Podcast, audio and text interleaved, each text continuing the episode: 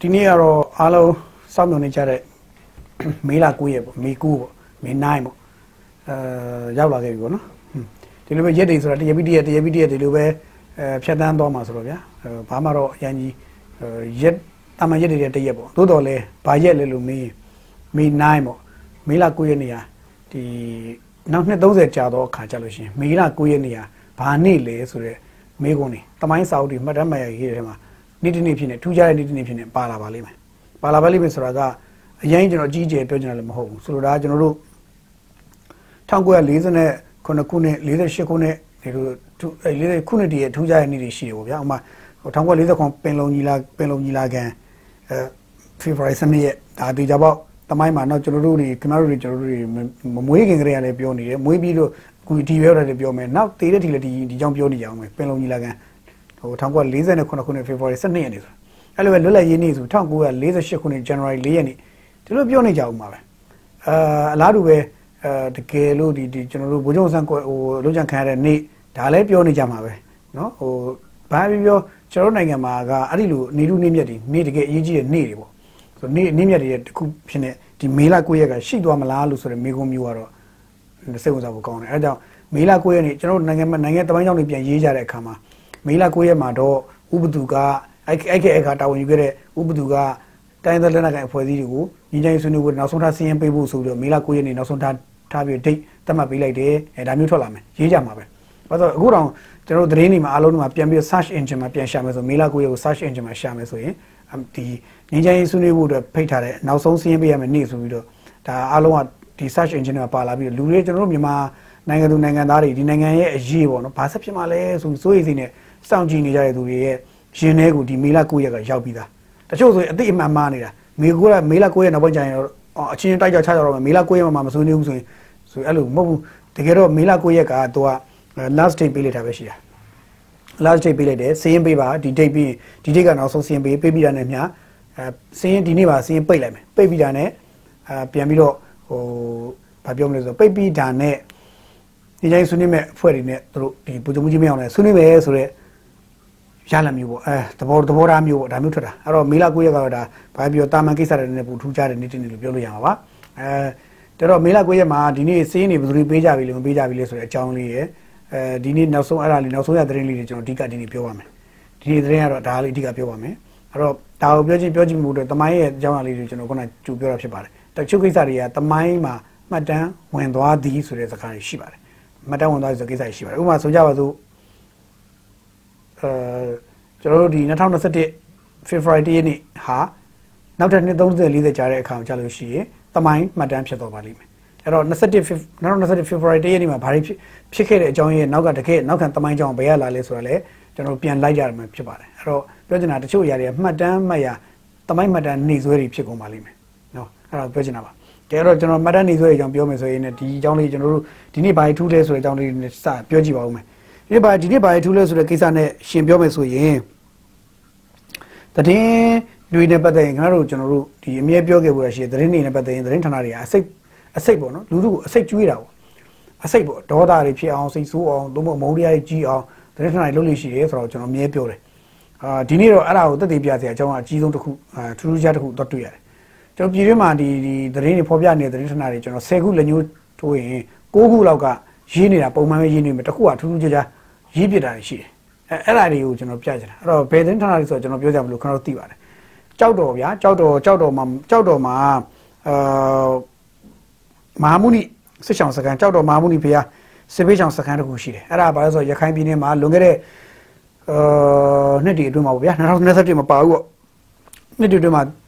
ဟိုတိုက်ပွဲတွေဖြစ်လို့လူတွေကဒီ ထွက်ပြေးတိမ်းရှောင်ရင်းနဲ့လွတ်ရကြွနေကြရနေရာတွေမှာလာနေရိုင်းနဲ့ဒီကြောက်တော်မြို့နယ်တွေကမဟာမုနိစစ်ဘေးဆောင်စခန်းမှာနေကြတဲ့လူတွေရှိတယ်အဲ့လိုနေကြတဲ့သူတွေနဲ့အဲပတ်သက်ပြီးတော့ဒီစစ်စစ်ဆောင်စခန်းဒီစစ်ဆောင်စခန်းဒီနေ့မနေ့အစောကြီးပေါ့မနေ့တနားရီလောက်မှာမီးလောင်မှုထဖြစ်တယ်မနေ့အစောကြီးပေါ့ဗျာမနေ့အစောကြီးမီးလောင်မှုဖြစ်တယ်မီးလောင်မှုဖြစ်တာနဲ့ပတ်သက်ပြီးတော့မီးလောင်မီးလောင်တဲ့ကြာခြင်းလည်း3လလောက်ကြာသွားတယ်ဆိုတာမီးလောင်မှုဖြစ်တယ်ကြာတဲ့ခြင်းလည်းလောက်ကြာသွားတဲ့အတွက်တော်တော်လေးပျက်စီးဆုံးရှုံးမှုဖြစ်တယ်ပေါ့ဗျာဆိုတော့ ကြောက်တော်ကမဟာမုနိဖျားနီးမှာရှိတဲ့မဟာမုနိစေဘေးကြောင့်စခန်းကိုမီးလောင်တာနဲ့ပတ်သက်လို့မီဒီယာတွေအများကြီးဖော်ပြကြတဲ့အခါမှာအားလုံးကဒီမီးလောင်မှုကိုခေါင်းစဉ်ကရှင်းရှင်းလေးပဲရိုးရိုးလေးပဲတတ်တယ်အဲညအချိန်မီးလောင်မှုဖြစ်တယ်နေနေနေမီးလောင်နေနေနေနေအများကြီးထိအများကြီးမိလောင်ပါသွားတယ်လူထိခိုက်မှုမရှိဒါပဲအနည်းဆုံးအရှင်းပြောရင်တော့မိလောင်မှုရဲ့တကယ်နောက်ွယ်အကြောင်းစင်းမြစ်ကိုသိပြီးတော့ဒီအထက်မှာအသေးစိတ်ဖော်ပြထားတာလည်းမရှိဘူးနောက်တစ်ခုကအာဖော်ပြမိလောင်မှုမှာအထူးသဖြင့်ဗျာဘယ်အဖွဲ့အစည်းကလုပ်ပါတယ်ဆိုတာမျိုး mention ပေးထားတာမရှိဘူးဒါဒီမီးကမတော်တဆမီးဆိုတာမျိုးပဲအားလုံးကအားလုံးကသတင်းအချက်လက်ရယူထားတယ်ကျန်တာပြောတယ်ရခိုင်အခြေစိုက်သတင်းဌာနတွေကတော့မှပဲဒီမီးလောင်မှုကတာမန်ဒီဖြစ်ဦးဖြစ်တာဖြစ်လေဖြစ်တာရှိတဲ့မတော်တဆဖြစ်တဲ့မီးလောင်မှုဆိုတာမျိုးကိုဖော်ပြထားတာဖြစ်တယ်ရခိုင်သတင်းဌာနတွေကတော့ကျွန်တော်ဒီရခိုင်အခြေစိုက်သတင်းဌာနဖော်ပြသလိုအခြားဒီကျွန်တော်တို့ပြည်တွင်းမှာဒီဘ ਹੁ ဘ ਹੁ အခြေစိုက်ဘ ਹੁ အခြေပြုတဲ့သတင်းဌာနတွေကလည်းအလားတူပဲဖော်ပြထားတယ်ပေါ့ဗျာအလားတူပဲဖော်ပြခဲ့တယ်အဲ့တော့အဲ့လိုဖော်ပြခဲ့တဲ့နောက်မှာ အဲထူးခြားစွာဖြစ်နေမီဒီယာတစ်ခုကတော့ဘာပြောလဲဖော်ပြထားလဲဆိုတော့ကျွန်တော်လည်းရုပ်တရက်ဆိုတော့ကြောင်လုံးသွားတယ်ဟောကြောက်တော်မြို့နယ်ရှိမဟာမုနိစေဖေးချောင်စခန်းမီးလောင်ပြီးတော့တဲ300ကျော်ပြာကျစစ်တပ်ရှို့မိလို့သုံးသပ်မှုများရှိခေါင်းစဉ်ယူပြုတ်ပြင်းနေအောင်တက်ပလိုက်တယ်ဆိုတော့ရုပ်တရက်ဆိုတော့อืมဒီကြောက်တော်ကြောက်တော်မုနိမဟာမုနိဖရာစေဖေးချောင်စခန်းမီးလောင်တာကိုစစ်တပ်ကမီးရှို့တယ်ပေါ့ဗျာဒီသဘောပေါ့ပြောချင်တာစစ်တပ်မီးရှို့တယ်ပေါ့စစ်တပ်ရှို့တယ်လို့သူကရေးချင်တာဒါပေမဲ့စစ်တပ်ရှို့တယ်ဆိုတော့ထောက်ထားလည်းမရှိတဲ့ခါကျတော့စစ်တပ်ရှို့သည်ဟုတန်တရားဖြစ် သုံးသပ်မှုများရှိဘယ်သူသုံးသပ်မှလည်းမသိဘူးအထက်မှာလည်းအဲအဲအထက်မှာလည်းသတင်းချက်လည်းဖတ်ကြည့်လိုက်တဲ့ခါကျတော့စစ်ဖေးချောင်အချို့ကတော့ဒါစစ်သားတွေရှို့တာဖြစ်တယ်လို့သုံးသပ်မှုရှိတယ်ဘာလို့လဲဆိုတော့ AA နဲ့စစ်တပ်ကြမှာစေးတင်းမာပြီးတင်းမာနေတဲ့အချိန်တွေဖြစ်နေအချိန်စေးတင်းမာအချိန်မြင့်တက်နေရဆိုပြီးပြောသူကရေးတယ်ဆိုတော့ဇောင်းပေးလိုက်တာပေါ့ဇောင်းပေးလိုက်တာပေါ့ဆိုတော့ရခိုင်ပြည်နယ်ကအခုဒီ2021နိုင်ငံအခင်းချင်းနဲ့ပတ်သက်ရခိုင်ပြည်နယ်တည်ငြိမ်အေးချမ်းမှုအများကြီးရတယ်ရခိုင်ပြည်နယ်တည်ငြိမ်မှုရတာကိုကျွန်တော်တို့ဒီဘက်ကဗဟိုပြည်မဒေသအကုန်လုံးက ဝမ်းသာနေကြတယ်အားလုံးကကြည့်ပြီးတော့စိတ်ချမ်းသာနေကြတယ်ဘာလို့လဲဆိုတော့ဒီစစ်တိုက်နေကြအောင်စစ်တိုက်နေကြတာစစ်ဖြစ်နေကြတာကိုမလိုချင်ချဘူးဗျာပုံရမလိုချင်ကြတဲ့အတွက်ရခိုင်ပြည်သူတွေကပိုတောင်ပျော်တယ်အဲ့လိုဘေးကကျွန်တော်တို့ကြည်ရတယ်ဘာဟာဘိုးကြီးမလူတွေကတော့ပျော်တယ်စစ်ပွဲမဖြစ်တဲ့အတွက်ဝမ်းသာတယ်အဲ့တော့ကျွန်တော်ရခိုင်တိုင်းသားကောင်းဆောင်တွေနဲ့ကျွန်တော်စကားပြောရဖြစ်တဲ့ခါတိုင်းမှာသူတို့ကိုကျွန်တော်အမြဲတမ်းပြောဥပမာဆိုကြပါစို့ဒေါန်ဆန်းစုကြည်ရဲ့အနိကကိုရန်တော်လုပ်ခဲ့ဘူးတဲ့ဒေါက်တာတင်မာအောင်နဲ့ကျွန်တော်စကားပြောတယ်ပြောဘူးတယ်ပြောတယ်ပြီးခဲ့ရပိုင်းလေးမှာပြောထားသေးတယ် တခါဒီဆရာတော်အေးမောင်လူမျိုးနဲ့ပြောတယ်အာဒီဆရာဥသားထွန်းလာလူမျိုးလည်းပြောတယ်အဲနောက်တစ်ခါကျွန်တော်တို့ဒီရခိုင်မှာရှိတဲ့ဒီကျောင်းဆရာတကယ်ကိုဂုံတိတ်ခကြီးမားတဲ့ဂုံရက်ကြီးတဲ့ကျောင်းဆရာတယောက်ဖြစ်တဲ့အဲဒီဆရာဥသားထွန်းနဲ့လည်းပြောတယ် သူတို့တွေနဲ့ကျွန်တော်ပြောတဲ့ခါကျတော့အကုန်လုံးသူတို့နဲ့ကျွန်တော်ပြောပြတဲ့ခါရခိုင်ပြည်နယ်အေဂျင့်တွေကိုကြည့်ပြီးကျွန်တော်တို့လှမ်းပြီးကြည့်နေဝမ်းတာပီတီဖြစ်ရအောင်ပြောတယ်ပြီးရင်အဲ့ဒီတည်ငြိမ်အေဂျင့်မှုလေးကိုကျွန်တော်တို့တွေဝိုင်းဆက်ထိန်းကြရအောင်ဆရာကြီးကျွန်တော်တို့တွေလည်းဝိုင်းပြီးတော့မီဒီယာဘက်ကလည်းကျွန်တော်တို့ဝိုင်းထိန်းပါမယ်ဆရာတို့ကလည်းဒီဒီဘယ်လိုထင်ရှားချောချာသူတွေအနေနဲ့ဝိုင်းထိန်းကြပါဆိုတာမျိုးပြောဝပြတာပေါ့နော်ဒေါက်တာတင်မအောင်ဆိုလို့ရှိရင်လည်းဆရာမအဲသူကဘာသတင်းမှမပြောဘူးနော်ဘာသတင်းမှမဖြေဘူးသူကစပြောတယ်သူ့မိမစိုးတဲ့အရာကြီးသူရှိတာပေါ့အဲကြောင့်သူမဖြေဘူးလို့ပြောတာသူ့မိမစိုးတဲ့အရာကြီးရှိတယ် တော်တော်တင်မအောင်ဆိုရင်သူ့မေးမဲ့အရာတွေကဘာတွေလဲလို့ကျွန်တော်သိတယ်ဒေါန်ဆန်းစုကြည်အနိကကိုကြီးရရှိလို့မျိုးအနိကဒေါန်ဆန်းစုကြည်မိမအိတ်လေးဆိုတော့ချောက်လိုက်ခဲ့တယ်သူနော်ဒေါန်ဆန်းစုကြည်တကယ်ကိုဒီယာရုရတဲ့အချိန်မှာအတိုင်ပင်ခံယာရုမရခင်လေးမှာဒီအစိုးရအဖွဲ့အောင်နိုင်ရေးရွေးကောက်ပွဲနိုင်သွားပြီဆိုအချိန်ရစပြီးဒေါက်တာတင်မအောင်ကလုံးဝအဲ့ဒီအဖွဲ့နဲ့ပတ်သက်တော့ဘယ်နဲ့အပြင်ထွက်လာကြတော့တာဆိုတာဒုက္ခဆင်းရဲတွေကြုံရတဲ့အချိန်မှာ तू ကအနားမှာရှိခဲ့ပြီမဲ့တကယ်ကိုအကောင်းဆုံးဆန်ရတော့မယ့်အချိန်မှာ तू ကလုံးဝဘာမှမလုပ်ချင်ဘူးဘာမှမမျှော်လင့်ဘူး သူမျိုးယုံကြည်တာကိုသူယက်တည်နေနေဘေးကိုပြန်ထွက်သွားတယ်လို့တော့ပါတယ်အဲ့တော့ဒီမောင်ကြောင့်အဲ့လိုပေါ့အဲ့လိုလူမျိုးပေါ့အဲ့တော့သူကဘာပြောလဲဆိုတော့ဘာမှဖြေဘူးနော်ဘာမှဖြေဘူးဒါပေမဲ့ရခိုင်ပြည်နယ်အေဂျင့်မှုအကြောင်းပြောတဲ့အချိန်မှာသူစိတ်ချမ်းသာသွားတယ်ပြုံးပြုံးရွှင်ရွှင်ဖြေတယ်ပြောတယ်ဖြေတယ်မဟုတ်ပြောတယ်အင်တာဗျူးမဟုတ်ရခိုင်ပြည်နယ်အေဂျင့်နဲ့ကောင်းတော့အေဂျင့်တော့ကျွန်တော်လည်းဝမ်းတာနေတယ်ဆိုတော့ပြောတယ်ပြီးရင်သူကဘာဆက်ပြောလဲဆိုတော့အနည်းဆုံးတော့အခုဒီလိုမျိုးဒီဒီဒီလိုမျိုးပေါ့အခုလက်ရှိ2021နိုင်ငံဖြစ်စဉ်နဲ့အတူ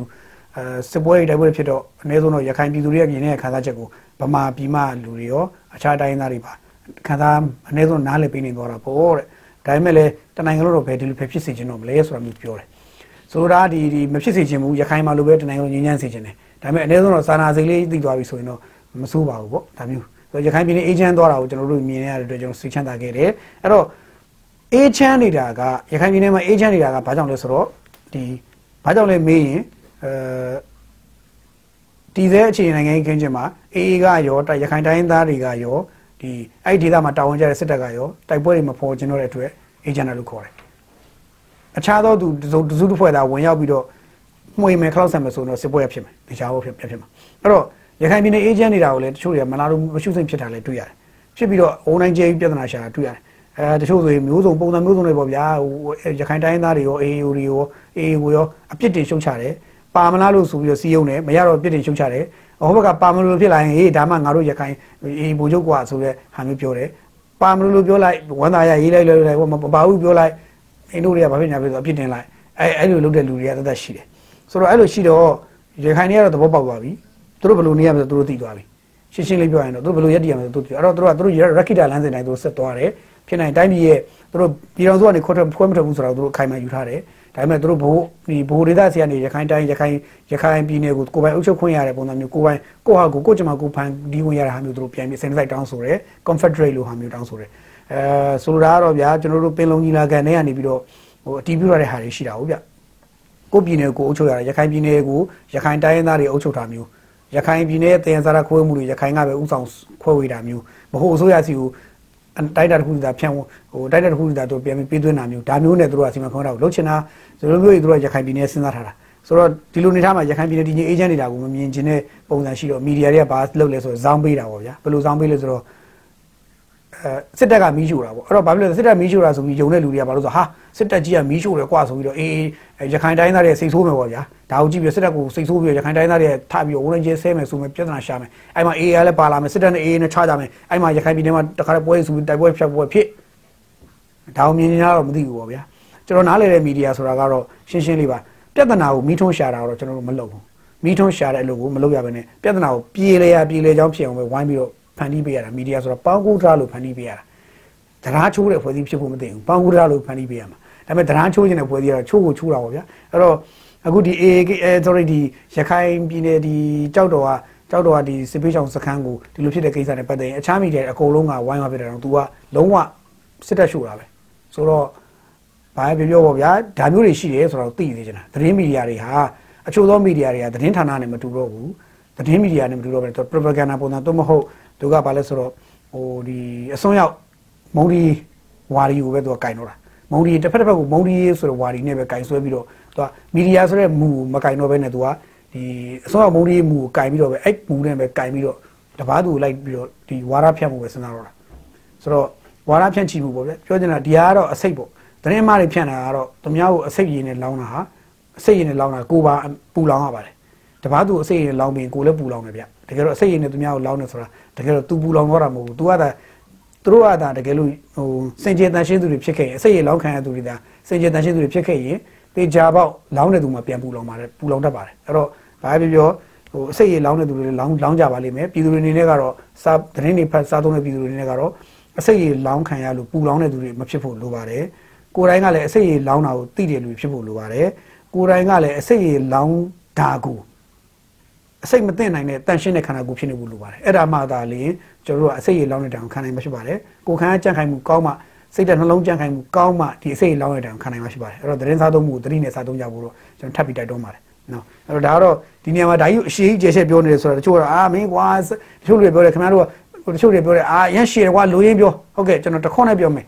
အေးကိုတိုင်းသားဒီဒီငင်းငင်းဆွေးနွေးပွဲအတွက်ကိုအေးကိုကိုဖွဲ့တက်ပါမယ်ပြီးပြီရလား အဲ့လိုဆိုရလားရှင်းလားအဲ့လိုပြောတော်ပြီလေစံပြောတော့ကျွန်တော်ထိုင်ကြည့်နေမှာမပြောတော့ပြီးပြီ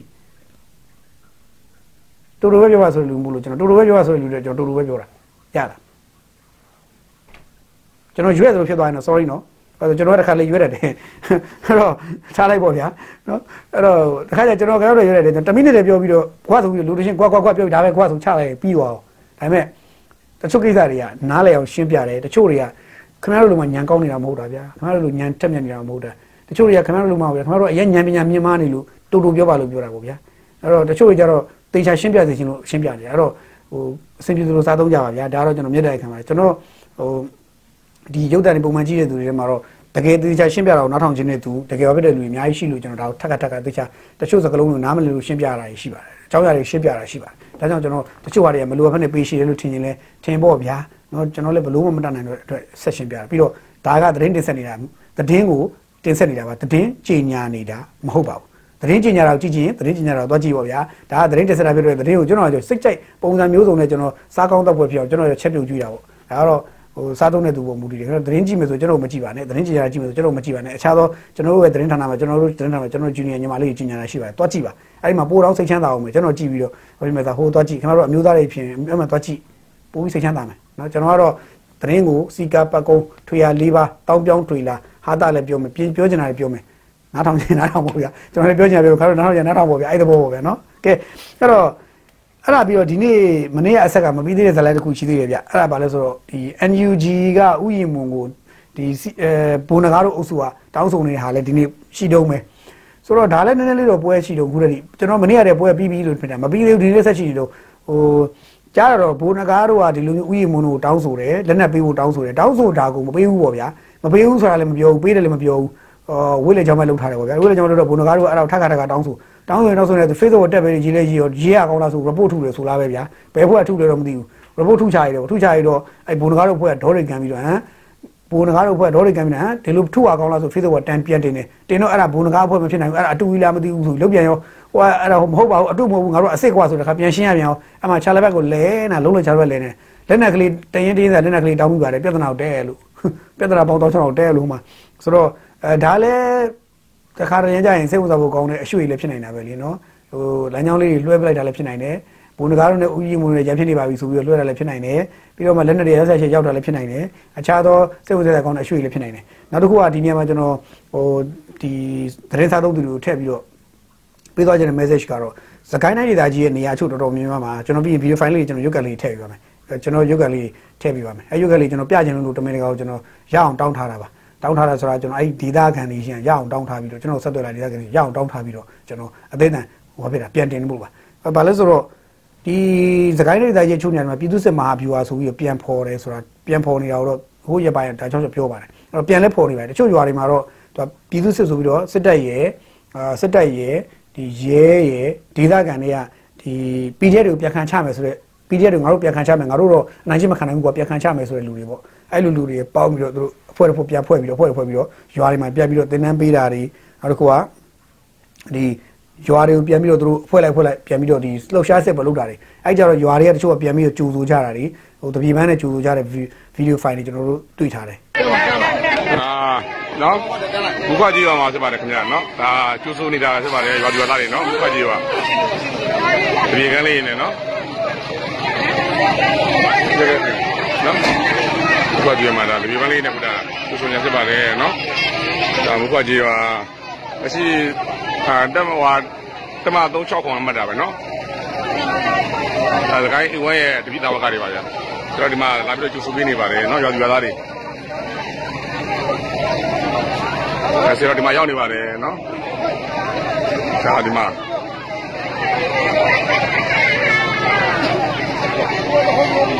ဘာပြောအဲ့လိုတွေ့ရတော့တေချာတာတော့ဒီသခိုင်းတိုင်းထဲမှာတော့ဘာဖြစ်နေလဲဆိုတော့ဒီစစ်တပ်ကိုလုံးဝမကြိုက်ဘူးဆိုတော့မုန်းတီတွေပြတ်တိုက်မယ်ဆိုတော့ PDF အုပ်စုရှိသလိုအာဒီစစ်တပ်ကိုတိုက်တိုက်ပေါ့ကွာဘာဖြစ်လို့ငါတို့ကိုလာချရတယ်ဆိုပြီးတော့ဒီရွာကန်တွေကတချို့ရွာကန်တွေသူတို့လာဖိနှိပ်ခံရပါတယ်လို့ယူဆတဲ့အခါရွာကန်တွေက ပြန်ချမယ်ဆိုတဲ့စိတ်နဲ့ပြန်ဖွဲ့ကြတဲ့ဟာရှိတယ်ပြန်ဖွဲ့ကြရင်ဖွဲ့ကြရင်အခုစစ်တပ်နဲ့ချိန်ပြီးတော့တဲ့အခါစစ်တပ်နဲ့ပြန်ဖွဲ့ပြီးတော့ပြန်ပြီးတော့သူတို့လက်နက်ကင်ပြီးတော့ပြန်ပြီးတော့သူတို့ပြန်တိုက်မယ်ဆိုတဲ့ဖွဲ့တွေကတသက်တစ်ခါဖွဲ့ရှိတယ်ဆိုတော့တေချာအဲ့ဒီမှာအဖွဲ့တွေကနှစ်ဖွဲ့မကသုံးဖွဲ့မကတွေဖြစ်လာတာတွေ့ရတယ်ဖြစ်ပြီးတော့သခိုင်းမှာတချို့ရွာတွေမှာတော့နေမြေစုမှုပြန်ပြီးတော့စပြီးရလာပြီးတော့သိရတယ်အချို့ရွာတွေမှာတော့တိုက်နေကြတော့လို့သိရတယ်အချို့သောရွာတွေမှာကတော့ခုတည်းဒီနေမြေစုမှုပြန်မရသေးဘူးလို့သိရတယ်အဲ့တော့ဘာပဲပြောပြောသခိုင်းဘက်မှာသခိုင်းဘက်ကကြေးရွာ6000ကျော်ထဲမှာ အာရွာပေါင်းတချို့ကရွာတချို့ကတော့ခုနဒီစစ်တပ်ရဲ့ဒီစစ်ကြောင်းတွေထိုးတာတွေသို့မဟုတ်ဟိုစစ်တပ်ရဲ့စစ်တပ်နဲ့ဟိုရွာကန်တွေနဲ့ပေါင်းထားတဲ့ဒီပြည်သူစစ်မဟာဗျူဟာပြည်သူပြည်သူမြို့ဟာဟိုကြေးရွာအိုးတွေမြို့ဟာအိုးတွေပြည်သူသက်လုံခြုံရေးဆိုင်ရာလောက်ထားတယ်ပြန်ဖွဲ့တဲ့အဖွဲ့ပေါ့ဗျာပြည်သူစစ်အဖွဲ့တွေပေါ့ပြည်သူစစ်တော့မဟုတ်ဘူးဗျပြည်သူအာဘဝလုံခြုံရေးဆိုင်ရာဒီအဖွဲ့တက်ဖွဲ့လေးတွေပေါ့ဗျာအဲ့လိုပေါ့ဒေသခံကာကွယ်ရေးအဖွဲ့လေးတွေပေါ့ဒီလိုဖွဲ့မျိုးလေးတွေပေါ့ပြန်ပေါ်လာပြီးအဲ့အဖွဲ့တွေက တရွာပြီးတရွာတို့ကစင်ကဲစင်ကဲစင်ကဲနဲ့တို့ဒီရွာပဲပြောပြီးပြန်ဖွဲ့လာတွေ့ရတယ်ရွာတွေကိုသွားတယ်သွားတဲ့ခါတို့တပီပန်းတွေနဲ့ကြိုးဆိုတယ်ရွာတွေကနေပျော်ပျော်ရွှင်ကြိုးဆိုနေကြတာတွေ့ရတယ်အဲ့ဒါတွေကိုကျွန်တော်မြင်ထားရတယ်ဆိုတော့ဒါတွေကဘာဖြစ်လဲဆိုတော့ကျွန်တော်တို့ဒီလွတ်လပ်ရေးရပြီးကာစဟိုးအစောပိုင်းကာလချီနေတွေနဲ့တွားပြီးတချို့နေရာလေးခက်ဆင်ဆင်သွားတူပါတယ်တချို့နေရာတွေကဘာလဲဆိုတော့လွတ်လပ်ရပြီးကာစကာလမှာတချို့ကြီးရွာတွေကိုအစိုးရရဲ့ဩဇာအာဏာတက်ရောက်မှုမရှိဘဲနဲ့တချို့ကြီးရွာတွေမှာကျွန်တော်ဒီနေရာမှာဟိုရှစ်ခေတ်ကိုပြောဟိုခေတ်ကိုပြောတာနော်ဒီဘက်ကိုမပြောဘူး ဒီဘက်ကိုပြောလို့ဆိုပြီးစိတ်ဆိုးနေကြမှာဆိုလို့ကျွန်တော်ဒီဘက်ကိုပြောဟိုခေတ်ကိုပြောတာအဲ့တော့ဆိုလို့ရှိရင်ဒီတပုံတွေရှိတယ်ဓမြတွေရှိတယ်လူငလင်း9 6တစ်ဖွဲ့ပေါ်ရင်တော့ဓမြတို့လုပ်တယ်ပြီးလို့ရှိရင်ဘာလို့ဆိုတော့ရွာတွေကိုသူတို့အသာသီးရတဲ့ရွာတွေဝင်တယ်ဝင်ပြီးလို့ရှိရင်ဓမြတိုက်တယ်တိုက်ပြီးလိုရတဲ့ပစ္စည်းယူသွားတယ်ယူပြီးပြန်ထွက်တယ်တခါလေရွာတကြီးကိုယ်တိုင်ဓမြဖြစ်ရင်ဖြစ်နေတယ်ဆိုတော့အဲ့လိုသားတွေရှိတယ်ဟိုလွတ်လပ်ရေးဟိုပြပြီးကစားပေါ့ဗျာစောပိုင်းဒီအစိုးရရဲ့အာဏာအုပ်ချုပ်ရေးအာဏာတွေကတနိုင်ငံလုံးဖြန့်ကျက်မြောက်တဲ့အချိန်မှာပေါ့ အဲ့တော့ဆိုအဲ့တော့ဆိုရွာတွေတကြီးတွေကလက်နဲ့တွေပြန်မအပ်ရသေးတဲ့အခြေအနေရှိတယ်မအပ်တော့တကြီးကသူ့မှာရှိတဲ့ဟိုဟိုနှလုံးပြူးလေးနဲ့သူကရွာလူလူလူငယ်တွေကိုစုပြီးတော့လာဟေ့ငါတို့ဒုတ်တွေထားတွေနဲ့ပြန်ပြီးခံချမယ်ဟေ့ဆိုပြီးတော့စုပေါင်းဖွဲ့တယ်ဖွဲ့တော့လဲဟိုကလက်နဲ့အင်အားနဲ့လာတပြတ်တိုက်တဲ့ခါကြလို့ရှိရင်ခံရတယ်ရွာတွေတည်တယ်ရွာလူတွေမလို့ဆက်ကြီးကောက်တယ်မလို့ပတ်စံမပေးဘူးလားငါတို့တွေကမင်းတို့ရွာကာကွယ်ပေးနေတာဆိုပြီးပြောပြီးခဏခဏလာဆက်ကြီးကောက်တယ်နေကြီးနေပေးနေကြိုက်တယ်ဒုတ်တွေကြိုက်ချတယ်တွေ့ရလူစိတ်မကြည်မကြည်လို့တတ်တယ်တွေ့ရကောင်မလေးတွေခေါ်သွားပြီးလမ်းမှာအရမန်ချင်းတယ်တတ်တယ်အဲ့လိုနဲ့အရမန်ချင်းပြီးတော့ယူရတယ်လို့ရှိမျိုးစုံနဲ့အဲ့လို လွတ်လပ်ရေးဟိုပိုင်းကာလာဆုံးမှာဖြစ်တယ်ဖြစ်ခဲ့ဘူးတယ်ဆိုတော့တမိုင်းဆင်လာတွေရှိတယ်ဒါတွေကကျွန်တော်တို့ရဲ့ဘူးဘွားတွေကပြန်ပြောပြတဲ့ဇလန်နီ story တွေပေါ့ဗျာရှိတယ်အဲ့လိုရှိပြီးတော့အဲ့ဒီ story တွေကအခုဒီနေ့ဒီချိန်မှာဖြစ်လာသလားလို့ပြီးတော့အဲခတ်ဆင်ဆင်မပြောမယ်မတူတူရဲလို့မပြောချင်ဘူးမပြောချင်ဘူးဆိုတော့မပြောရဲလို့မပြောတာမပြောရဲလို့မပြောတာအဲ့တော့သူကဒီရွာတွေမှာလည်းတချို့ရွာတွေကတော့သူကဒီဒီ PDF တွေကိုမကြိုက်ဘူးဆိုရွာတွေရှိတယ်တချို့ရွာတွေက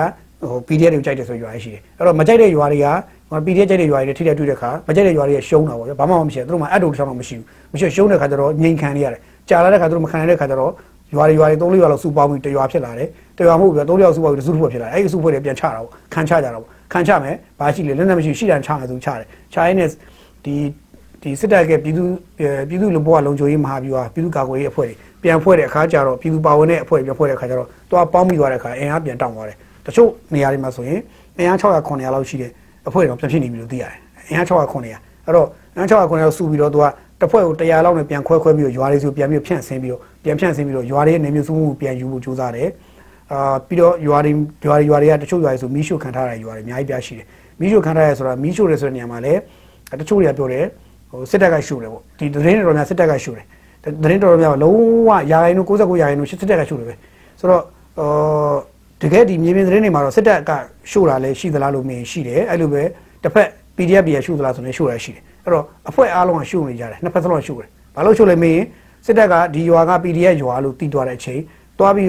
နေမျိုးစုံမွေးလို့တယ်မရအောင်မရတဲ့ခါကျရွာကန်တွေကိုမင်းတို့ထွက်ဘန္နာရီတွထွက်မင်းတို့မထွက်ဘူးဆိုရင်တော့ရတယ်မင်းတို့လွတ်ရကြောရှောင်းမရှောင်းရင်ငါရွာမီးရှို့လို့ဖြစ်လာတယ်အဲ့လိုပဲ PDF တွေလည်းဒီရွာဒါပြူစောဒီရွာစစ်တပ်သတင်းသတင်းပေးတလန်ရွာအဲ့တော့ရှို့အကုန်ရှို့အဲ့လိုရွာထိပ်ကတည်မီးရှို့ချအဲ့လိုဆိုရွာတဲ့လူထွက်ပြေးရတာပေါ့ဗျာဆိုတော့ ဥပဒေစိုးမိုးမှုမဲ့နေတဲ့အချိန်လေးမှာအဲ့ဒါကတော့ရှင်းရှင်းပြောရင်မြေပြင်မှာဖြစ်နေတဲ့ပြဿနာအဲ့လိုအကြီးကျယ်ဖြစ်နေတော့သိရတယ်ဆိုတော့ဒါတွေကဒါမြေပြင်မှာဖြစ်နေတဲ့ဟာတွေပေါ့အဲ့တော့ဒါလေးတွေကလည်းတော်တော်လေးတော့ဟိုသတိပြုရမယ့်ချက်ပေါ့အဲ့တော့အခုတော့စကိုင်းမှာတော့ပြန်ချတဲ့ဇလိုင်းပေါ်လာပြီစကိုင်းတို့ဒီမုံစကိုင်းပြီးတော့ဒီဘက်ကမကွေးစကိုင်းမကွေးဘက်ချမ်းတွေမှာပြန်ချနေကြပြီမန္တလေးဟိုဘက်ထပ်ပိုင်းတွေမှာလည်းပြန်ချနေကြပြီလို့သိရတယ်အဲ့တော့အာဘာတွေဆက်ဖြစ်မလဲလို့မေးရင်တော့နိုင်ငံသားတွေထပ်သိမ်းမှာပေါ့ဗျာ ဒါပဲရှိတယ်။ဘာလို့ဆက်ဖြစ်မလဲမေးရင်တော့နိုင်ငံသားတွေထပ်သိမ်းမှာပေါ့ဗျာ။ပြီးတော့ဒီလိုနဲ့ပဲခစ်ကာလာတွေကာလာရည်ရွေးရှားပြီးတော့နောက်နှစ်30လောက်ကြာတဲ့အခါမှာအခုဒီနေ့အချိန်မှာပါဝင်ပတ်သက်ခဲ့ကြတဲ့လူတွေကသူတို့မြည်တွေသားတွေသမီးတွေပြောပြကြမှာပေါ့ဗျာ။အဲ့ဒီတော့ငါမှန်တယ်။ तू ကမှန်တယ်။ तू ကမှားတယ်ငါမှားတယ်နဲ့ညင်းခုံရင်းနဲ့ပဲမြောက်ထပ်မျိုးဆက်တစ်ခုကိုအမုန်းတရားတွေထပ်ထည့်ကြအောင်ပေါ့ဗျာ။ဒီလိုပဲတော့မှာပေါ့။ဘယ်တော့မှခင်ဗျားတို့ကကိုကမှားတယ်လို့ဘယ်သူမှဝန်မခံကြပဲနဲ့ဘာလို့ဆိုအမုန်းတရားထပ်ထည့်မှာ။သူတို့ကမှားတာငါတို့ကမှန်တယ်အဲကောင်တွေမှားတာအဲကောင်တွေမှတ်ထားမှာ အေးငါတို့ထိရောက်ရင်ဆိုတာမျိုးလေနင်းထိုင်နေအဲ့လိုပဲအမုန်းတရားတွေထပ်ထည့်နေမျိုးဆက်လိုက်မျိုးဆက်လိုက်အမုန်းတရားတွေပွားပြီးတော့နောက်ဆုံးမှာဘာဖြစ်လာလဲဆိုတော့ဒီနိုင်ငံမှာရှိတဲ့နိုင်ငံဒီနိုင်ငံကြီးမှာနိုင်ငံရဲ့ဟိုမူရင်းစင်းမြစ်ကြောရိုးကိုတွေကအမုန်းတရားတွေနဲ့ရှင်သန်တဲ့နိုင်ငံတစ်ခုလို့ဖြစ်သွားတတ်ပါတယ်။တိမ်ငယ်စိတ်တွေအမုန်းတရားတွေအာဃာတတွေနဲ့ရှင်သန်တဲ့မျိုးဆက်တွေမျိုးဆက်တွေကိုကျွန်တော်တို့ကထပ်ပြီးတော့မျိုးစိတ်တစ်စိပြီးစိတ်တစ်စိထပ်ချရတာပေါ့ဗျာ။အဲ့လိုဖြစ်ကုန်ပါလိမ့်မယ်။အဲ့ဒါတော့တော်တော်စဉ်းစားရမယ့်ချက်ပါ။အဲ့တော့ခင်ဗျားတို့ကျွန်တော်တို့လက်ထက်မှာဖြတ်မလား။နောက်မျိုးဆက်တွေပါဆက်တည်ပေးဦးမလား။အဲ့ဒါတော့ကျွန်တော်တို့ကျွန်တော်ဝိုင်းစဉ်းစားရကြမယ်ကိစ္စ။ ဝိုင်းပြီးတော့ကိုယ့်ရှင်ထဲမှာကိုထားပြီးအတိတရားနဲ့ဆုံးဖြတ်ရမယ့်ကိစ္စဖြစ်လာပြီလို့ပြောပြရစီ။နော်။အဲ့တော့အာဒါပြီးတဲ့နောက်ကျွန်တော်တို့ဒီနေ့ရဲ့အရေးကြီးဆုံးအကြောင်းအရာကတော့ခုနကဘာလဲဆိုတော့ဒီတိုင်းသားလက်နက်ကိုင်ဖွဲ့စည်းတွေနဲ့ဗိုလ်ချုပ်မှုချင်းမရောက်နိုင်တွေ့မယ်ဆိုတဲ့ကိစ္စပေါ့တွေ့မယ်ဆိုတဲ့ကိစ္စမှာမတက်မဲ့ဖွဲ့နဲ့တက်မဲ့ဖွဲ့ဆိုတာပေါ်လာပါပြီနောက်ဆုံးစီးရင်တွေကထွက်လာကတော့သူကတိုင်းသားလက်နက်ကိုင် NCA ထိုးထားပြီးသားဖွဲ့တွေနဲ့မထိုးရသေးတဲ့ဖွဲ့တွေရှိတယ်အဲ့တော့မထိုးရသေးတဲ့ဖွဲ့တွေလည်းတဲကလည်းတက်မယ်ထိုးတဲ့ဖွဲ့တွေလည်းတက်မယ်အဲ့တော့ထိုးထားပြီးသားအဖွဲ့တွေတဲက ဘယ်သူတွေတက်မှာလဲဆိုတဲ့မေးခွန်းပေါ့ဆိုတော့ထိုးထားပြီးသားအဖွဲ့တွေတဲကဆိုရင်တော့အဲပြောနိုင်တာကတော့ DKBA တက်မယ်နော် DKBA တက်မယ်နောက် KNU KNLA PC တက်မယ်နောက် NMSP လို့ခေါ်တဲ့အဲဒီမွန်ဖွဲ့တက်မယ်နော်အော် PNLO တက်မယ်နောက် ALP တက်မယ်နောက်ဒီ RCSS SSC တက်ပါမယ်အဲ့တော့လက်မှတ်မထိုးရသေးတဲ့အဖွဲ့တွေဖြစ်နေတော့ UWSA ဝပြီး NDA မိုင်းလာနဲ့ အဲရှမ်းတပ်ဖွဲ့ခုဖြစ်တဲ့ SSPB SSA တို့တက်ပါမယ်အဲ့တော့စုစုပေါင်းတက်မဲ့ဖွဲ့က6ဖွဲ့ဖြစ်သွားပါပြီ6ဖွဲ့ဖြစ်သွားတယ်အဲ့တော့ဟိုဘာပြောပြောဒီလက်မှတ်ထိုးထားပြီးသားအဖွဲ့ကအရင်တော့10ဖွဲ့ရှိတယ်10ဖွဲ့တွေက10ဖွဲ့တွေကဒီ6ဖွဲ့တက်တယ်ဆိုတော့2ဖွဲ့ပဲမတက်ဘူးဆိုတဲ့အဓိပ္ပာယ်ပါဟိုဘက်လက်မှတ်မထိုးရသေးတဲ့ဖွဲ့ကလည်းဟိုဟာ10ဖွဲ့လောက်ရှိတယ်10ဖွဲ့လောက်ရှိတဲ့ထဲကဆိုရင်အရေးကြီးတဲ့အင်အားကြီးတဲ့ဖွဲ့တွေဖြစ်နေရှိတက်တာ3ဖွဲ့တက်လာတဲ့အတွက်ဘာပဲပြော ဟိုခုနှစ်ဖွဲ့တော့ခုနှစ်ဖွဲ့နဲ့တစ်ထက်တချို့ဟာတွေမတက်ဘူးကြဘူးပေါ့ဗျာဆိုတော့မတက်ဘူးလို့ကြေညာထားတဲ့အဖွဲ့ကတော့ KNU ပေါ့ဗျာ KNU ဘောတော့မတက်ဘူးဒီနေ့မှာပဲမနေ့ကညထုတ်ပြန်ပါတယ်ဒီနေ့ဒိတ်နဲ့ထုတ်ပြန်ပါတယ်မတက်ဘူးလို့ဆိုကြေညာထားပါတယ်အဲ့တော့လုံးဝမတက်ဘူးလို့ကြေညာထားတာက KNU KIA နဲ့ KNU KIA နဲ့ဒီ ABSDF နောက်တစ်ခုက CNF အာ ABS CNF နောက်တစ်ခုကအာနောက်တစ်ခုကကျွန်တော် KNPB ပေါ့အဲ့ဖွဲ့တွေမတက်ကြဘူးလို့သိရတယ်ဆိုတော့ AA တို့ဘာတို့က AA တို့ TNLA တို့ AA တို့ TNLA တို့နေ MNDA တို့ကတက်မှာလားဆိုတော့မြောက်ပိုင်းမဟာမိတ်သုံးဖွဲ့ကတက်မှာလားဆိုတော့သူတို့တွေအနေနဲ့ကစောင့်ကြည့်နေသေးပေါ့အဲပြောမှဆိုရင်ပုံချုပ်ကြီးမင်းအောင်လိုင်ရဲ့ဖိတ်ကြားချက်ဟာအယောင်ကင်းရလားအစွဲကင်းရလားနောက်တစ်ခါပြောမှဆိုရင်လိန်လေလက်ပတ်မှုတွေပါသလားဆိုတော့စိုးရိမ်စိတ်တွေစောင့်ကြည့်တယ်ပေါ့စောင့်ကြည့်အောင်ပဲပေါ့ဗျာအဲ့တော့သူတို့အနေနဲ့ကတော့မပြောသေးဘူးပေါ့မပြောသေးဘူးဆိုတာမီဒီယာကိုပြောသေးဘူးပြောတာအဲ့တော့အဲဘိုးချုပ်ဘိုးချုပ်ဇော်မင်းထွန်းကတော့ကျွန်တော်တို့ဒီဒီဟိုမီဒီယာမှာဖြေထားတာကတော့ဗာဖြေထားလဲဆိုရင်အာ ဒီမတက်တချို့သူတွေကအာဆုံးဖြတ်ချက်မပြီးသေးလို့ခဏစောင့်ပေးပါလို့ပြောတဲ့အဖွဲ့တွေရှိတယ်တဲ့အဲ့တော့ခဏစောင့်ပေးပါဦးမယ်ဆိုတော့ခဏစောင့်မယ်ဆိုတာအာခဏစောင့်မယ်ဆိုတာကနောက်ထပ်24နာရီလား48နာရီလားနောက်ထပ်တစ်ပတ်လားတော့ကျွန်တော်မသိဘူးပေါ့နော်သို့တော်လည်းခဏစောင့်ပေးပါဦးမလို့ပြောတယ်ဟို9ရက်နေ့ဆိုရင်လည်းခုနပြောသလိုကျွန်တော်တို့ကဘာနဲ့သွားတူလဲဆိုတော့ကျွန်တော်တို့ចောင်းဆောင်ဝဲအပ်အပ်တယ်လို့ပေါ့ဗျာចောင်းဆောင်ဝဲအပ်ကြတယ်လို့ပဲစာចောင်းတက်ဖို့အပ်ကြတာဘယ်နေ့နောက်ဆုံးလို့ပြောလိုက်တာအဲ့ဒီနေ့ចောင်းတက်ခါနီးဘယ်နေ့နောက်ဆုံးလို့သတ်မှတ်တယ်ပြီးရင်ဘယ်နေ့မှစာចောင်းတက်အောင်ပြောတယ်ဟုတ်တယ်အဲ့တော့ ဘယ်နေ့နောက်ဆုံးလို့ဆိုရင်မှဒီမအဖြစ်တာရှိတယ်ပြီးတော့ပြီးចောင်းတက်မယ်နေ့ကျမှလာပြီးဆရာရဲ့ဆရာမရဲ့သားတို့ကသမီးတို့ကကျွန်တော်တို့ကကျမတို့ကကျမသားလေးရဲ့ကျမသားလေးသမီးလေးကအဲ့လိုနဲ့ဘာညာဘာညာပြောပြီးနောက်ဆုံးတော့တက်တက်ခွင့်ရတယ်လွယ်ရှိသွားတယ်အဲ့လိုလဲဇလန်းရှိအဲ့တော့သူတို့ပြောချင်တာအဲ့လိုမျိုးလာတော့ကျွန်တော်လည်းမသိဘူးပေါ့ဗျာအဲ့တော့ဘယ်လိုပဲဖြစ်ဖြစ်အဲစောင့်မယ်ဆိုတော့လဲအဲစောင့်မယ်ပေါ့ဗျာဆိုတော့အဲဘာပဲပြောတက်မဲ့ဖွဲ့ကြီးလဲ9ဖွဲ့လောက်ပေါ်လာပြီဆိုတော့သူတို့လည်းအနည်းဆုံးတော့ဖိတ်ရတာနည်းနည်းတော့ဟိုတက်တာသွားတာပေါ့ဗျာမတက်မဲ့ဖွဲ့တက်မဲ့ဖွဲ့ပြောမယ်ဆိုရင်တော့ အင်အားကြီးကြီးအားကောင်းကောင်းနဲ့ဟိုတက်မဲ့ဖွဲ့တွေပါလာတော့သူတို့လည်းကောင်းတာပေါ့အဲ့မှာ KNU KNL PC ဆိုတာကတော့သူတို့ကတော့တကယ်ဒီဒီငင်းချမ်းရေးလုပ်ငန်းစဉ်ကိုအားပြုတယ်ပြီးရင်သူတို့ကကိုရီးယားသူတို့မှာကိုရီးယားဒီစီးပွားရေးနဲ့အခြေပြုထားတယ်စီးပွားရေးအခြေပြုတယ်ပြီးရင်စီးပွားရေးမှာဒီကရင်ပြည်နယ်မှာဖွံ့ဖြိုးတိုးတက်ရေးကိုအားပြုတယ်ကရင်ပြည်နယ်ဖွံ့ဖြိုးတိုးတက်ရေးအတွက်ဘယ်လောက်ဘယ်လိုလုပ်အောင်လဲဘယ်လိုစီးပွားရေးနဲ့ထောင်တက်အောင်လုပ်အောင်လဲဆိုတော့စူးစမ်းအထုတ်တဲ့အဖွဲ့ခေါ်တယ် DKBA ကြတော့ဗုဒ္ဓဘာသာကရင်တွေကိုကိုစားပြုတယ်ကရင်ဗုဒ္ဓဘာသာတွေကိုကိုစားပြုပြီးတော့ DKBA ရဲ့ တင်ချာတိချာဟို KNU ဘိုးရဲ့ခွတ်ထလာတဲ့ဖွဲ့ဖြစ်တယ်အဲ့တော့ KNL KNU KNL PC နဲ့ DKBA နှစ်ဖွဲ့ပေါင်းရင်တော့ကရင်ပြည်သူလူထုရဲ့90ရာခိုင်နှုန်းနဲ့အထက်ကိုတော့သူတို့ကိုစားပြုတယ်လို့ပြောလို့ရပါတယ်အဲ့တော့ကရင်ပြည်သူလူထုရဲ့ငါကျန်တဲ့ကျန်တဲ့ရာခိုင်နှုန်းလေးကိုတော့ KNU ဘိုးဘက်ကကိုစားမပြုဘူးဆိုတဲ့အဓိပ္ပာယ်ကိုစားမပြုဘူးဆိုတော့ကိုယ့်ဘက်ချမ်းကိုသူတို့ကင်ထားတဲ့သဘောဖြစ်သွားအဲ့တော့ကရင်ပြည်နယ်ထဲမှာပဲကရင်ပြည်သူလူထုကိုကိုစားပြုတော့ဆိုတဲ့အဖွဲ့ဟာခုနပြောသလိုတဝက်တဝက်လောက်ဟာကရင်ပြည်သူလူထုရဲ့ ငင်းချမ်းရေးကိုလိုလားပြီးတော့တဝက်ကတော့ကရင်ပြည်သူလူထုရဲ့ငင်းချမ်းရေးကိုမလိုလားဘူးပေါ့စစ်မဲ့ဖြစ်ဖို့မဖြစ်ဖို့နဲ့စစ်ပွဲအဲဗိုလ်ချုပ်ကြီးမင်းအောင်လှိုင်မင်းကိုမကြိုက်ဘူးကွာမလောဘူးကွာမတက်ဘူးကွာဆိုတဲ့ပုံစံနဲ့စက်ကင်ထားတာနောက်ထပ်90ရာခိုင်နှုန်းလောက်ကရှိပြီဒီဘက်90ရာခိုင်နှုန်းပေါ့အဲ့တော့50 50လို့ပဲကျွန်တော်ခွဲပြောမှာဖြစ်ပါတယ်ဆိုတော့ဒီ NDA မိုင်းလာတို့ဒီမိုင်းလာတို့ဘာလို့အုပ်စုရလဲဒါတို့ကလည်းအစကတည်းကတို့ကလည်းဒီဒီစစ်တပ်နဲ့အစကတည်းကတို့ဒီငင်းချမ်းရေးနဲ့လမ်းကြောင်းပေါ်တက်ထားပြီးတဲ့ဖြစ်တယ်တို့ဆက်ပြီးတော့တိဆောက်သွားခြင်းနဲ့ပုံပေါ်ပါတယ်အဲ့တော့တခါဒီအဲ့မှာ ဒီ PNL ဒီဘုံမူခိုးကာတို့ရဲ့ PNL အုပ်စုကလည်းငင်းချမ်းရေးယူခြင်းနဲ့ဆိုတဲ့ဆန္ဒပုံမှာဆက်မူတည်တယ်ဆိုတော့ PN ဒီနေ့မှာ PNL နဲ့ရှမ်းပြည်မှာရှိတဲ့ပအိုးနဲ့ပအိုးပြည်သူစစ်နဲ့မတူပါဘူးအာ PNL က PNL ကဒီလက်နက်ကိုင်ဖြစ်နေခွဲထွက်သွားတာဖြစ်ပြီးတော့ပအိုးဥဟောင်ကန်တီတို့ရဲ့ဥဟောင်ကန်တီတို့ရဲ့ပအိုးကတော့ပြည်သူစစ်ဘဝကိုကူးသွားတာအဲ့တော့ပြည်သူစစ်ဘဝကူးပြီးတော့ဥဟောင်ကန်တီတို့ရဲ့ PNL ပအိုးကတော်တော်အားကောင်းပါတယ်အားကြီးပါတယ်ရှမ်းပြည်နယ်မှာတော့ရှမ်းပြည်နယ်အတွက်အားကြီးတဲ့ PNL လို့ပါလာတာ sorry ရှမ်းပြည်နယ်အတွက်အားကြီးတဲ့ပအိုးကတသက်ရှိနေပြီသားဖြစ်တယ်နောက်တစ်ခါနောက်ထပ်တခြားသောခွဲထွက်ပအိုးဖြစ်တဲ့ PNL လို့ပါလာတဲ့အတွက်ဘာပြီးတော့ပအိုးအမျိုးသားတစ်ခုလုံးကဒီဘက်ကိုလာပြီးပေါင်းတယ်ဆိုတဲ့အဓိပ္ပာယ်ကိုသွားတွေ့ပြောရပါတယ်နောက် ALP ရခိုင်ကတော့ ALP ရခိုင်ကတော့ဒါ AA တို့ဘာလို့လဲဆက်ပြီးတော့ညှိရမယ်သဘောရှိတယ် AA တို့ကလည်းတစ်ဖက်မှာဂိုင်းတာတယ် ALP ကလည်းသူကသူတို့နိုင်ငံရေးရည်တည်ချက်တိုင်းလက်နက်ကရည်တည်ချက်ကြသူတို့သွားတာဆက်ရှိတယ်အဲ့တော့ဘာလို့ရရင်ကူစားပြုမလဲဆိုတော့ပြောရခက်ပါတယ်အဲတော်တော်တော့နင်းမယ်ထင်တယ် AA လောက်တော့ကူစားပြုမှုအားကောင်းသေးမယ်တော့မထင်ဘူးပေါ့နော်အဲတခါ မွန်ပေါ့ NMSP မွန်ကလည်းမွန်ကတော့ရှင်းပါတယ်မွန်ပြည်နယ်ရဲ့ငင်းချမ်းရေးအတွက်မွန်ကတော့လုံးဝတသားတဲ့သူတွေညီပြီးတော့မွန်ပြည်နယ်ရဲ့ယာရိုင်နှုန်းယာနှုန်းပြည်နှီးပါကိုသူတို့ကဟိုဥဆောင်နိုင်စွမ်းရှိတဲ့ပုံကိုယ်တွေဖြစ်တယ်မွန်တပြည်လုံးပါလာတဲ့သဘောပါပဲအာအဲ့တော့ဒီဝဝကလည်းဒီတိုင်းပါပဲဝကလည်းဝပြည်ရတဲ့တိုင်းမှာအားလုံးသိတဲ့အတိုင်းမှာဝပါလာတာတော်တော်ကောင်းပါတယ်ဝကအစင်းဆက်တစ်ခါမှအဲ NCA ထိုးတဲ့ကိစ္စလည်းမပါလာသလိုသူကနားလည်မှုယူပြီးနေတဲ့သဘောရှိပါတယ်ဝါအဲ့တော့ဝါပါလာတာလည်းတမျိုးတော့ရှမ်းပြည်နယ်အတွက်တမျိုးတော့ကောင်းပါတယ် နောက်တစ်ချက်ကတော့ RCSS ပေါ့ RCSS ပါလာတာလည်းကောင်းပါတယ်နောက် SSB SSC ပါလာလည်းကောင်းပါတယ်ဆိုလိုချင်းအပြင်ကြည့်ရမယ်ဆိုတော့ရှမ်းပြည်နယ်ကတော့စိတ်ချရတယ်ဆိုတဲ့အထက်မှာပါပါတယ် TNL လေးကတော့ရှမ်းပြည်နယ်ထဲမှာဆို TNL ရဲ့ဒီအကွက်ကွင်းဟာဟိုအကွက်အကွက်တော့ကျင်းပါတယ် TNL ရဲ့ဟိုပိုင်ဒီလုံနိုင်စွမ်းကိုင်းနေစွမ်းဟာခုနအဖွဲ့နဲ့ပေါင်းလိုက်ရင်10%တော့မရှိဘူးဆိုတော့သဘောတော့ရှိတော့ရှမ်းပြည်နယ်ရဲ့အားလုံးတော့ဆိုရင်90ရာခိုင်နှုန်းလောက်ကိုသူတို့ကဒီ coverage ဖြစ်တယ်ဆိုလို့ခေါ်လို့ရပါတယ်ရှမ်းပြည်နယ်တော့အဲ့တော့ကရင်မှာ50%လောက်က ဒီငញ្ញရေးကိစ္စကိုစိတ်ဝင်စားတယ်ဗိုလ်ချုပ်မှုကြီးမြောက်နေဒီရှမ်းမှာက90ရာခိုင်နှုန်းလောက်ကစိတ်ဝင်စားတယ်အာရခိုင်မှာကလည်းသူရာခိုင်နှုန်းတစ်ခုလောက်ကစိတ်ဝင်စားတယ်အာနောက်တစ်ခုကတော့အခြားသောဒီဘက်ဟို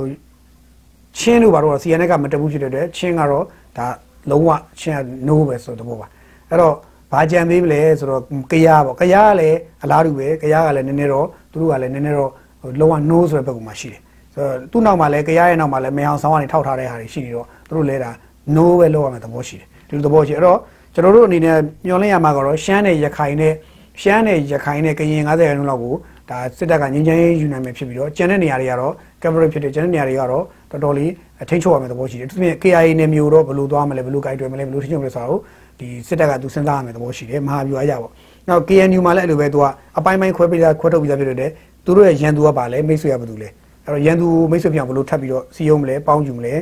တိုက်ပွဲတွေမတိုက်ရပဲကြီးစံတထောင်မှမထွက်ရပဲနဲ့တိုင်းပြည်ပြည်နေပြည်နေတစ်ခုလုံးအေဂျင့်သွားတဲ့ဘုရားဘယ်လိုသွားရင်ကောင်းမလဲစီစီညက်ဟိုထောင်းလောင်းကြည့်အောင်တိုက်မှယူမလားဒါမှမဟုတ်အာစကလုံးလေးတွေနဲ့တိုင်ပြီးတော့ရင်ကြားစိတ်ယုံကြည်မှုတိဆောက်ပြီးတော့ခုနဒီကြည်စံတစ်ချက်မှမထွက်ဘဲနဲ့ဒီတိဆောက်ယူမလားဆိုတဲ့ဟာမျိုးပေါ့ဆိုတော့ဒီနေရာမှာကျွန်တော်တို့ဒီအာကျွန်တော်ဒီနေရာမှာဟိုဗုဒ္ဓဘာသာရဲ့ဟိုတကယ်ဟိုဟာတဲ့ ထင်ရှားတဲ့မင်းတစ်ပါးဖြစ်တယ်ဗုဒ္ဓဘာသာနဲ့ပြောရင်ထင်ရှားတာပေါ့အိန္ဒိယပြည်ရဲ့ထင်ရှားတဲ့မင်းမင်းတစ်ပါးနဲ့ပြောတယ်အာတောကမင်းကြီးပေါ့အာတောကမင်းကြီးရဲ့အဲနောက်ဆုံးတိုက်ပွဲအဲသူရည်သားအောင်ရှိတဲ့ပြည်ကိုသူသိမ်းရတဲ့အချိန်မှာဘာပြောလဲဆိုတော့အဲ့ချိန်မှာ तू ကအဲ့ပြည်ကိုသိမ်းပြီးအိန္ဒိယတပြည်လုံးကို तू အကုန်လုံး तू ရပြီကလင်္ကာတိုင်းထင်ပါရဲ့နော်ကျွန်တော်တိုင်းနာမည်မေ့နေလိမ့်မယ်ကလင်္ကာတိုင်းကိုသိမ်းပြီးရင်အကုန်ကုန်ပြီအဲ့တော့ तू ကသိမ်းချလိုက်တဲ့အချိန်မှာအကုန်လုံးသိမ်းပြီးတဲ့အချိန်မှာ ဘာဖြစ်လဲဆိုတော့သိမ်းပြီးတော့အဲ့အတော့ကမင်းကြီးကနောက်ဆုံးသိမ်းကြည့်လိုက်ပြီးတော့အားလုံးတိလမုံကြအောင်သိမ်းပြီးတော့ तू နိုင်သွားပြီနိုင်သွားပြီဆို तू ကနိုင်ပြီဆို तू ကြွကြော်ဖို့ तू စဉ်းစားတာဒါပေမဲ့အဲ့ပြည်နေမှာ तू တကယ်စစ်ပွဲရလိုက်ကနောက်ဆုံးချိန်ကြီးသွားကြည့်ရချိန်မှာတေးလို့မျိုးအဖြစ်တဲ့လူတွေလူတွေအလောင်းကောင်များစွာ तू မြင်ပြီးတော့အာတော့ကမင်းကြီးနောက်ဆုံး तू ဘာတွေ့ရလဲဆိုတော့အဲ့မှာတယောက်ကရေစားလို့ရေတောင်းတဲ့အချိန်မှာအာတော့ကမင်းကြီးကအဲ့ရေကို तू က तू ခတ်ပြီးတော့တိုက်မလို့ကြိုးစားတဲ့အချိန်မှာအဲ့တေဂာနီလူက तू ကြည့်ပြီးတော့အာတော့ကမန်တီလဲတီရော အဲ့တောက်ရမယ့်ရေကိုလုံးဝမတောက်ခွင့်နဲ့ဖဲထုတ်လိုက်တယ်တေးလူရွာဖြစ်နေတယ်နော်ဖဲထုတ်လိုက်ပြီးတော့အာတော့ကကိုမုံဒီယာမုံဒီစက်အကျိတ်စိတ်နဲ့ကြည့်ပြီးတော့လက်နဲ့ဒီလိုလှမ်းကုတ်ကုတ်ပြီးတော့ဖဲ့ဖို့ကြိုးစားဒါပေမဲ့လန်တော့မှလည်းလက်ကကြိုးကြသွားပြီးတော့အဲ့လိုတေးသွားတယ်မုံဒီယာနဲ့တေးသွားတယ်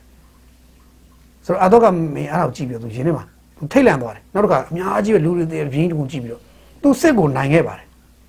တတိုင်းပြည်လုံးတင်းကျုံနိုင်တဲ့လူဖြစ်ခဲ့ပါတယ်ဒါပေမဲ့နောက်ဆုံးမှငါရလိုက်တာဘာမှမရှိပါလားဆိုအတွေးသူမြင်သွားတယ် နောက်ဆုံးမှငါရလိုက်တာဘာမှမရှိပါလားဆိုသူမြင်သွားတယ်သူသိသွားတယ်နောက်ဆုံးမှသူဘာကိုနားလည်သွားလဲဆိုတော့စစ်ကိုဘယ်လောက်ပဲနိုင်အောင်တိုက်တိုက်ထုံးလုံးမုံကြည့်အောင်သူဘယ်လောက်ပဲနိုင်အောင်တိုက်တိုက်ဒီစစ်တိုက်ပြီးနိုင်ရတဲ့အနိုင်ထက်လူတွေအားလုံးနှလုံးသားတွေကိုငြိမ်းချမ်းတော့အောင်လူတွေအားလုံးကိုတည်ငြိမ်အေးချမ်းတော့အောင်စွမ်းဆောင်ပေးနိုင်တဲ့အနိုင်ကသာလေတကယ်အနိုင်ပါလားလူတွေရဲ့မြစ်တာကိုရအောင်စွမ်းဆောင်နိုင်ရတာလေအနိုင်ပါလားဆိုသူနားလည်သွားတယ်အဲကြောင့်သူစစ်ကိုတတ်နိုင်တဲ့မြတ်သူမုံမှုကြိုးစားတယ်နောက်ဆုံးသူအဲ့ရစပြီးသူစစ်ဘရောမတိုက်တော့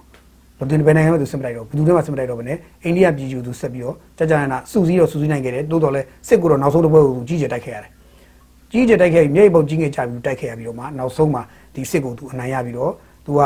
ဒီသာသနာပြုမင်းတစ်ပါးဖြစ်နေနောက်ဆုံးမှသူဘာလို့ရလဲဆိုတော့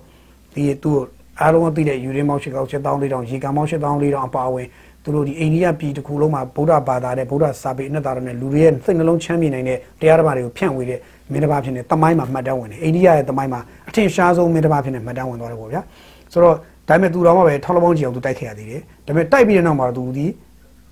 တန်ဝေကတွေလူရခဲ့တယ်ဆိုတော့ဒီနေရာမှာကျွန်တော်သင်္ကန်းသာယူတင်တာအများကြီးပါတကယ်တော့ကျတော့တစ်ဖက်နဲ့တစ်ဖက်စစ်တိုက်ကြမလို့ဆုံးဖြတ်ပြီးရင်အသက်တွေအများကြီးလောင်းကြီးထပ်ထားရပါတယ်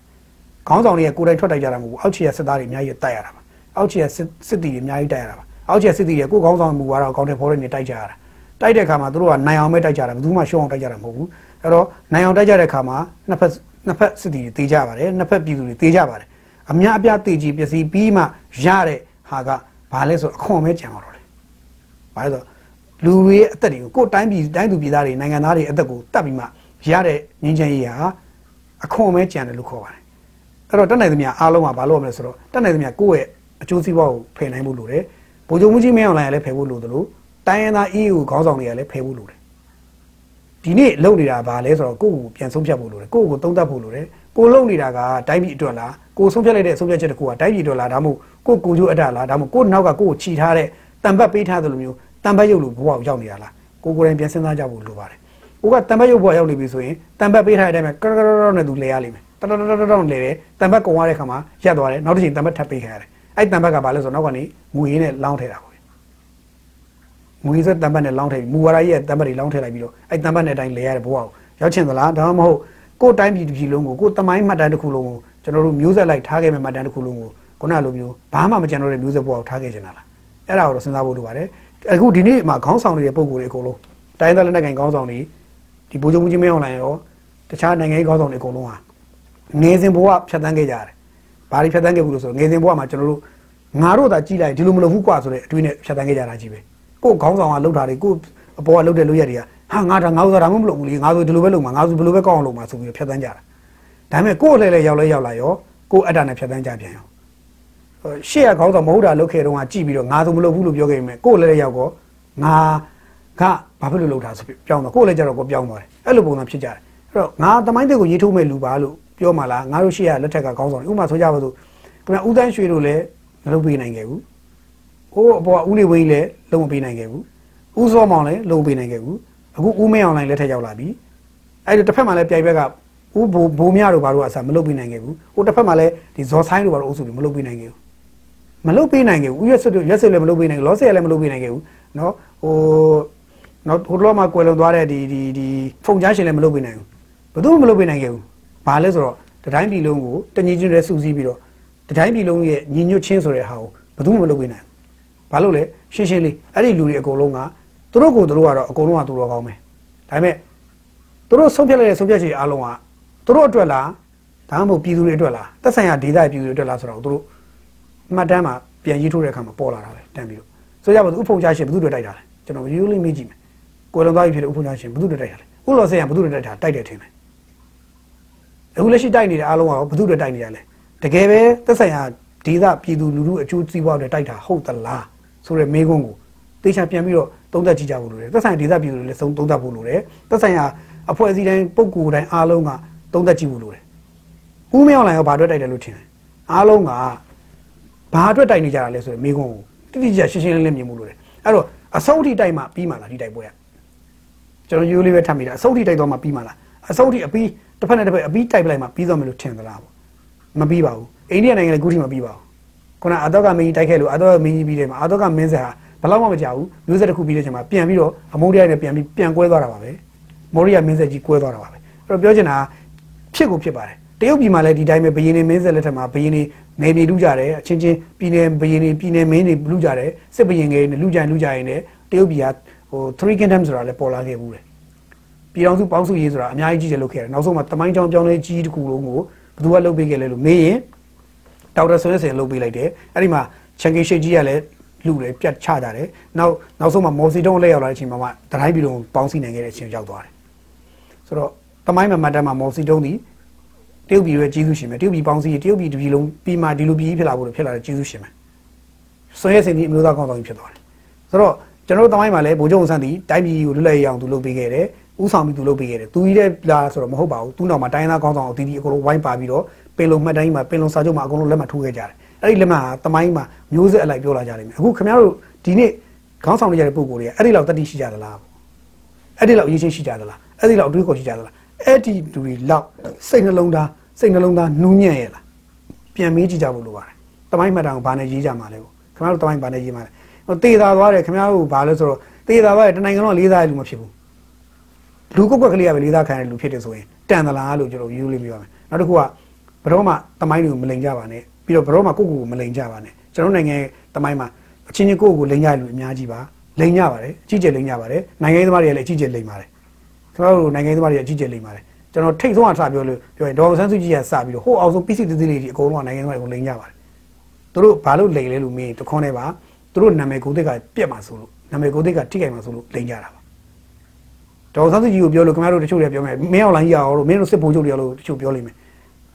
ကျွန်တော်ရိုးရိုးလေးပြောပြီးသူကနေစပြီးအကုန်လုံးလို့ပါသွားတဲ့အတွက်အကုန်ပါသွားပြီရှင်းရှင်းလေးပါကျွန်တော်ဒီနိုင်ငံရဲ့နိုင်ငံရဲ့ decision အားလုံးကင်ထားတဲ့ပုံကိုယ်တွေအားလုံးဟာရှင်းရှင်းလေးပြောရရင်တခုခုဆိုရင်လိန်ကြပါတယ်ဘာလို့လဲပြောဆိုတော့သူတို့ရဲ့ဂုဏ်သိက္ခာထိခိုက်မှာဆိုလို့သူတို့အကျိုးစီးပွားထိခိုက်မှာဆိုလို့သူတို့ရဲ့အာသူတို့အပေါ်မှာဝိုင်းပြီးလူတွေပြစ်တင်ကြမှာဆိုလို့ဝိုင်းလိန်ကြပါတယ်သူတို့ကိုလိန်ကြပါတယ်